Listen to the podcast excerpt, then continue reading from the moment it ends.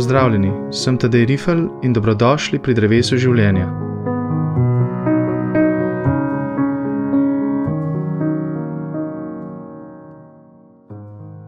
Zadnjih nekaj let pogosto prebiram pravljice. Nič neobičajnega ni to za starše otrok, ki še ne znajo sami brati. Pa vendar se zavedam, da je ravno v pravljicah skrito veliko neobičajnega, morda celo tujega našemu življenju, ki ga običajno živimo. Hkrati pa te zgodbe vendarle vsebujejo nekaj skrivnostno resničnega. Prinašajo nam namreč izkušnjo, ki je tako drugačna od naše vsakdanjosti in ravno zaradi tega najbrž tudi tako resnična. To je daleč od našega običajnega in površnega razumevanja, da gre v pravljicah za nek navidezni, celo izmišljeni svet, ki je bil ustvarjen izključno za otroke. Mar res mislite, da starši beremo pravljice zgolj zaradi otrok, ne pa tudi zaradi sebe? Ali se vam še ni nikoli zgodilo, da ste se ravno s pravljicami vrnili v neko resničnost, ki pa jo običajno razumevanje ne more posredovati. Da ste se v branju le teh umirili in spočili svojega duha od hitenja tega sveta. Zelo me zanima, zakaj je tako, da nas pravljice tudi v odrasli dobi tako preprosto privlačijo. Zavedam pa se, da ima neobičajnost pravljic tudi vsebinske razloge še posebej, če gre za pravljice, ki niso del naše kulturne ali pa zgodovinske zavesti. Kot naprimer tiste, ki jih trenutno prebiram in izvirajo starodavne Kitajske in Koreje. Menim, da je v njih veliko več neposrednosti. Skoraj vsaki od teh zgodb nekdo zelo trpi, v pomankanju in revščini, ali pa celo umre. In vse to je opisano brez nekih olepševanj. Morda pa je temu tako samo zato, ker gre za res prave zgodbe in ne samo za prilagoditve le teh otroškim ušesom in razumevanju. Dobro se spomnim, kako sem bil neprijetno presenečen, ko sem v eni od otroških slikanic odkril zelo zanimivo verzijo vsem dobro znane zgodbe o rdeči kapici. Slednja je za razliko od klasične verzije v gozdu srečala prav simpatičnega volkca, podobne velikosti kot ona sama, ki je zato, pozneje skupaj z babico, seveda ni mogel požreti. Samo prestrašil jo je in oni dve sta se skrili v omaro. In pozneje, ko pride lovec, ga ta samo odpodi in na mesto da bi iz volčjega trebuha rešil deklico in babico, le te reši iz babičine omare. V tem primeru ne moramo govoriti zgolj o do neke mere še razumljivi prilagoditvi, sicer zelo krvoločne pravljice, to veliko pove o naši neposrednosti na Zahodu, ampak mislim, da lahko govorimo kar o potvorbi resničnega sporočila. No, k temu sporočilu, oziroma vsaj k delčku tega sporočila, se bom kasneje še vrnil, ko bom govoril o rdeči kapici. V vsej tej drugačnosti in nenavadnosti pravljic se torej predvsem zavedam, da nobene pravljice niso tako drugačne od nam poznanega sveta ali pa življenja, ki ga vsak dan živimo. Zakaj ne? ker mislim, da govorijo o življenju, ki je v svoji skrivnostnosti vsem ljudem na nek način poznano in do katerega ima vsak izmed nas kot oseba prav poseben dostop. To je v osnovi tisto življenje, ki se odvija neodvisno od nas in sicer na neki ravni, ki se je v življenju le redko kdaj zares zavemo, če se je sploh kdaj. Ampak ravno pri branju zgodb ali pa kot otroci že pravljic, se učimo ravno v tem vsem ljudem skupnem življenju. Hkrati pa mi sami, kot osebe, živimo vsak na svojski način in oblikujemo življenje po svoji meri, na katerega pa imamo, saj tako mislimo, velik vpliv. Če povem to še drugače, ker se mi zdi res zelo pomembno, gre za to, da v življenju v prvem pomenu v resnici vemo zelo malo, ker nas to življenje v mnogo čem presega. V tem smislu smo le njegov majhen delček, ki pa si vseeno želi in vedno znova si to želi odkrivati celoto tega skrivnostnega življenja. No, hkrati pa to isto življenje v drugem pomenu živimo na ravni, ki nam je zelo poznana. Največja umetnost življenja, ki ga živimo kot osebe, pa je, če smo zmožni biti zares prinašalci tistega življenja, ki ga vsi iskreno in uneto iščemo. Pri tem nevidna moč življenja postaja vidna, no, ali pa tudi nevidna, ravno skozi nas in naš način življenja. Po eni strani je torej v igri naše zaupanje, da v našem življenju ni vse odvisno od nas, po drugi strani pa tudi pogum, da si upamo soustvarjati življenje s svojimi odločitvami in dejanji. Šele ko je to dvoje združeno, smo resnično svobodni. Če pa se spet vrnem k otrokom, lahko rečemo, da se ti učijo iz opazovanja in doživljanja življenja drugih. To se mi zdi res izjemno. Šele kasneje v dobi odraščanja pridejo do tega, da sami odločajo o svojem življenju.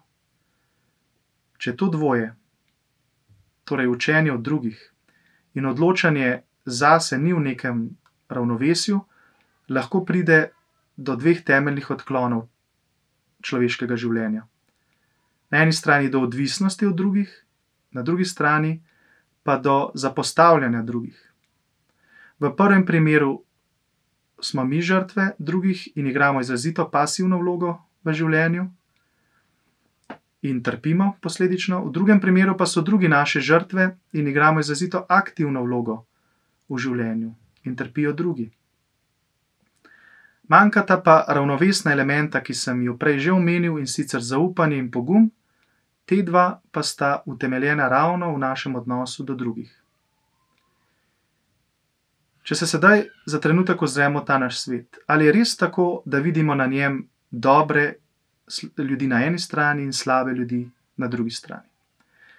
Čeprav ponavadi razmišljamo o svetu na način, kot da je res razdeljen na dobre in slabe ljudi, pa vendarle, če malo bolje premislimo, to ne drži povsem. Gre bolj za to, da ljudje živijo dobro ali slabo življenje.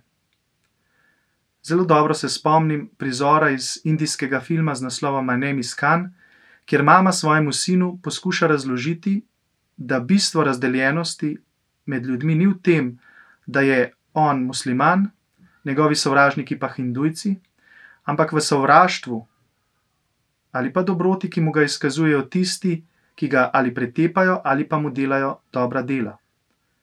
In sicer ne glede na to, ali so muslimani ali hindujci. Vse to očitno kaže na neko globjo razsežnost razdeljenosti, ki je raz, eh, usidrana v človeka. Človek nikoli ni popolnoma slab ali dober, temveč je nekje vmes. Je razpet med zemljo na eni strani in nebo na drugi strani. Na zemljo spodaj, na nebo nad njim. Kako pa potem pride do razdelitve na dobro in slabo življenje? Ravno s tem, da je človek v tej razpetosti kdaj bolj usmerjen proti smislu, proti nebu in posledično udejanja dobro življenje, drugič pa k niču, proti zemlji in uresničuje slabo življenje. To resnično velja vedno in povsod in temu boju v razpetosti človeku ni moč uiti. Poglejmo si sedaj še enkrat primer pravlične zgodbe, ki sem jo izbral. Ta je zelo preprosta, vsi jo poznamo, ampak mislim, da to nikakor ne pomeni, da nam je tudi njeno simbolno ozadje enostavno in razumljivo.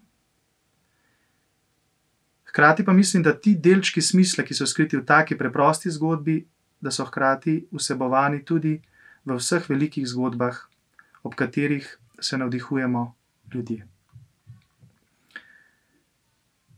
Osredotočil se bom na zgolj tri vidike, ki pa se vsi nanašajo na srečanje med rdečo kapico in volkom iz začetka zgodbe. Prvič, rdeča kapica volka, ki ga sreča ne prepozna. Drugič, volk to izkoristi in deklici svetuje, da naj za babico nabere nekaj cvetlic in se šele potem odpravi naprej po poti. In tretjič, rdeča kapica volka uboga in s tem se pojavi priložnost zanj, da prej pride k babici in jo posledično pod lažno pretvezo lahko tudi požre. No, sedaj me pa zanima, kaj nam ti elementi zgodbe razkrivajo o življenju in sicer o njegovi skrivnostnosti, pa tudi o našem dejanskem življenju, ki ga živimo kot osebe na vsakdanji ravni. Najprej to, da se ne morem izogniti temu, da bomo v življenju tako ali drugače soočeni z nevarnostjo ali preizkušnjo. Dobri nameni, obisk babice v zgodbi, ne preprečijo pojavitve zlih namenov. V zgodbi jih ponazarja volk, ki bi rad pojedel babico. Pri tem soočenju nič ne pomaga, ampak prav nasprotno celo škoduje, če se delamo, da te nevarnosti sploh ni. To je usodna napaka, ki jo rdeča kapica stori. Pravljica bi v resnici izgubila svoj osnovni okvir, če bi rdeča kapica volku preprosto rekla volk in se z njim na nek način soočila.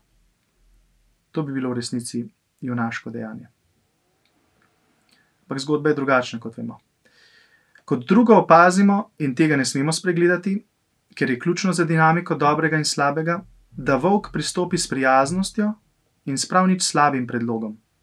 V zgodbi to ponazarja nabiranje cvetlic.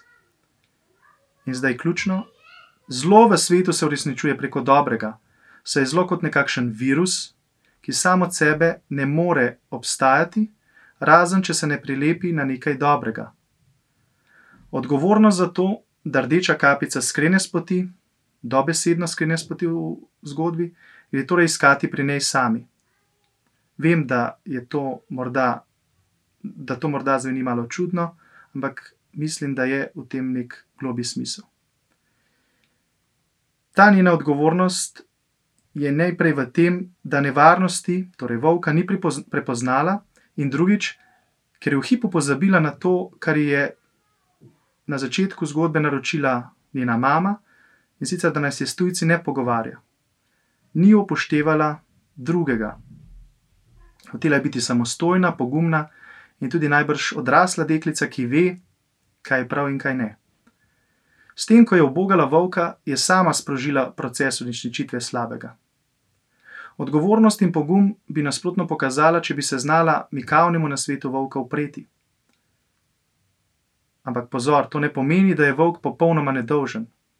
Pove pa to, kar se mi zdi ključno, da delitev na slabega volka in dobro rdečo kapico še zdaleč ni tako samoumevna in tako je tudi v našem življenju. Dobri in slabi ljudje preprosto ne obstajajo. Zlo se kaže kot nekaj na videz dobrega in ljudje z dobrimi nameni mu podlegamo življenje pa je potem tisto, ki pokaže pravo vrednost človeka. To je, mislim, da nauk zgodbe iz začetka Rdeče kapice, kot ga prepoznam sam. Nikakor pa ne mislim, da je moja razlaga popolna, dokončna in da se je ne bi dalo še razviti. Vabim vas, da mi pri tem mojem iskanju smisla določenih zgodb pomagate. Ko sem razmišljal o temi tega prvega nagovora, sem izhajal iz zavedanja, da lahko povem zgolj tisto, kar sem bil do sedaj zmožen spoznati.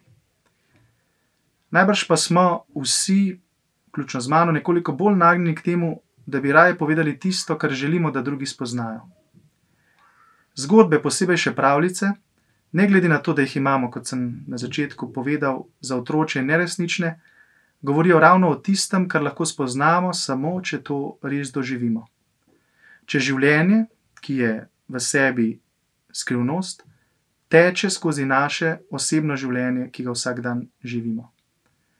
Izbral sem si zelo preprosto zgodbo, ki pa je taka zgolj na prvi pogled. Prav v vsaki pravljici, to globoko verjamem, se namreč skriva delček resnice o življenju, o našem življenju. To načeloma vemo, a bi se vendarle morali bolje zavedati, da pravljice niso namenjene zgolj branju, ampak tudi premišljevanju in iskanju globjega sporočila.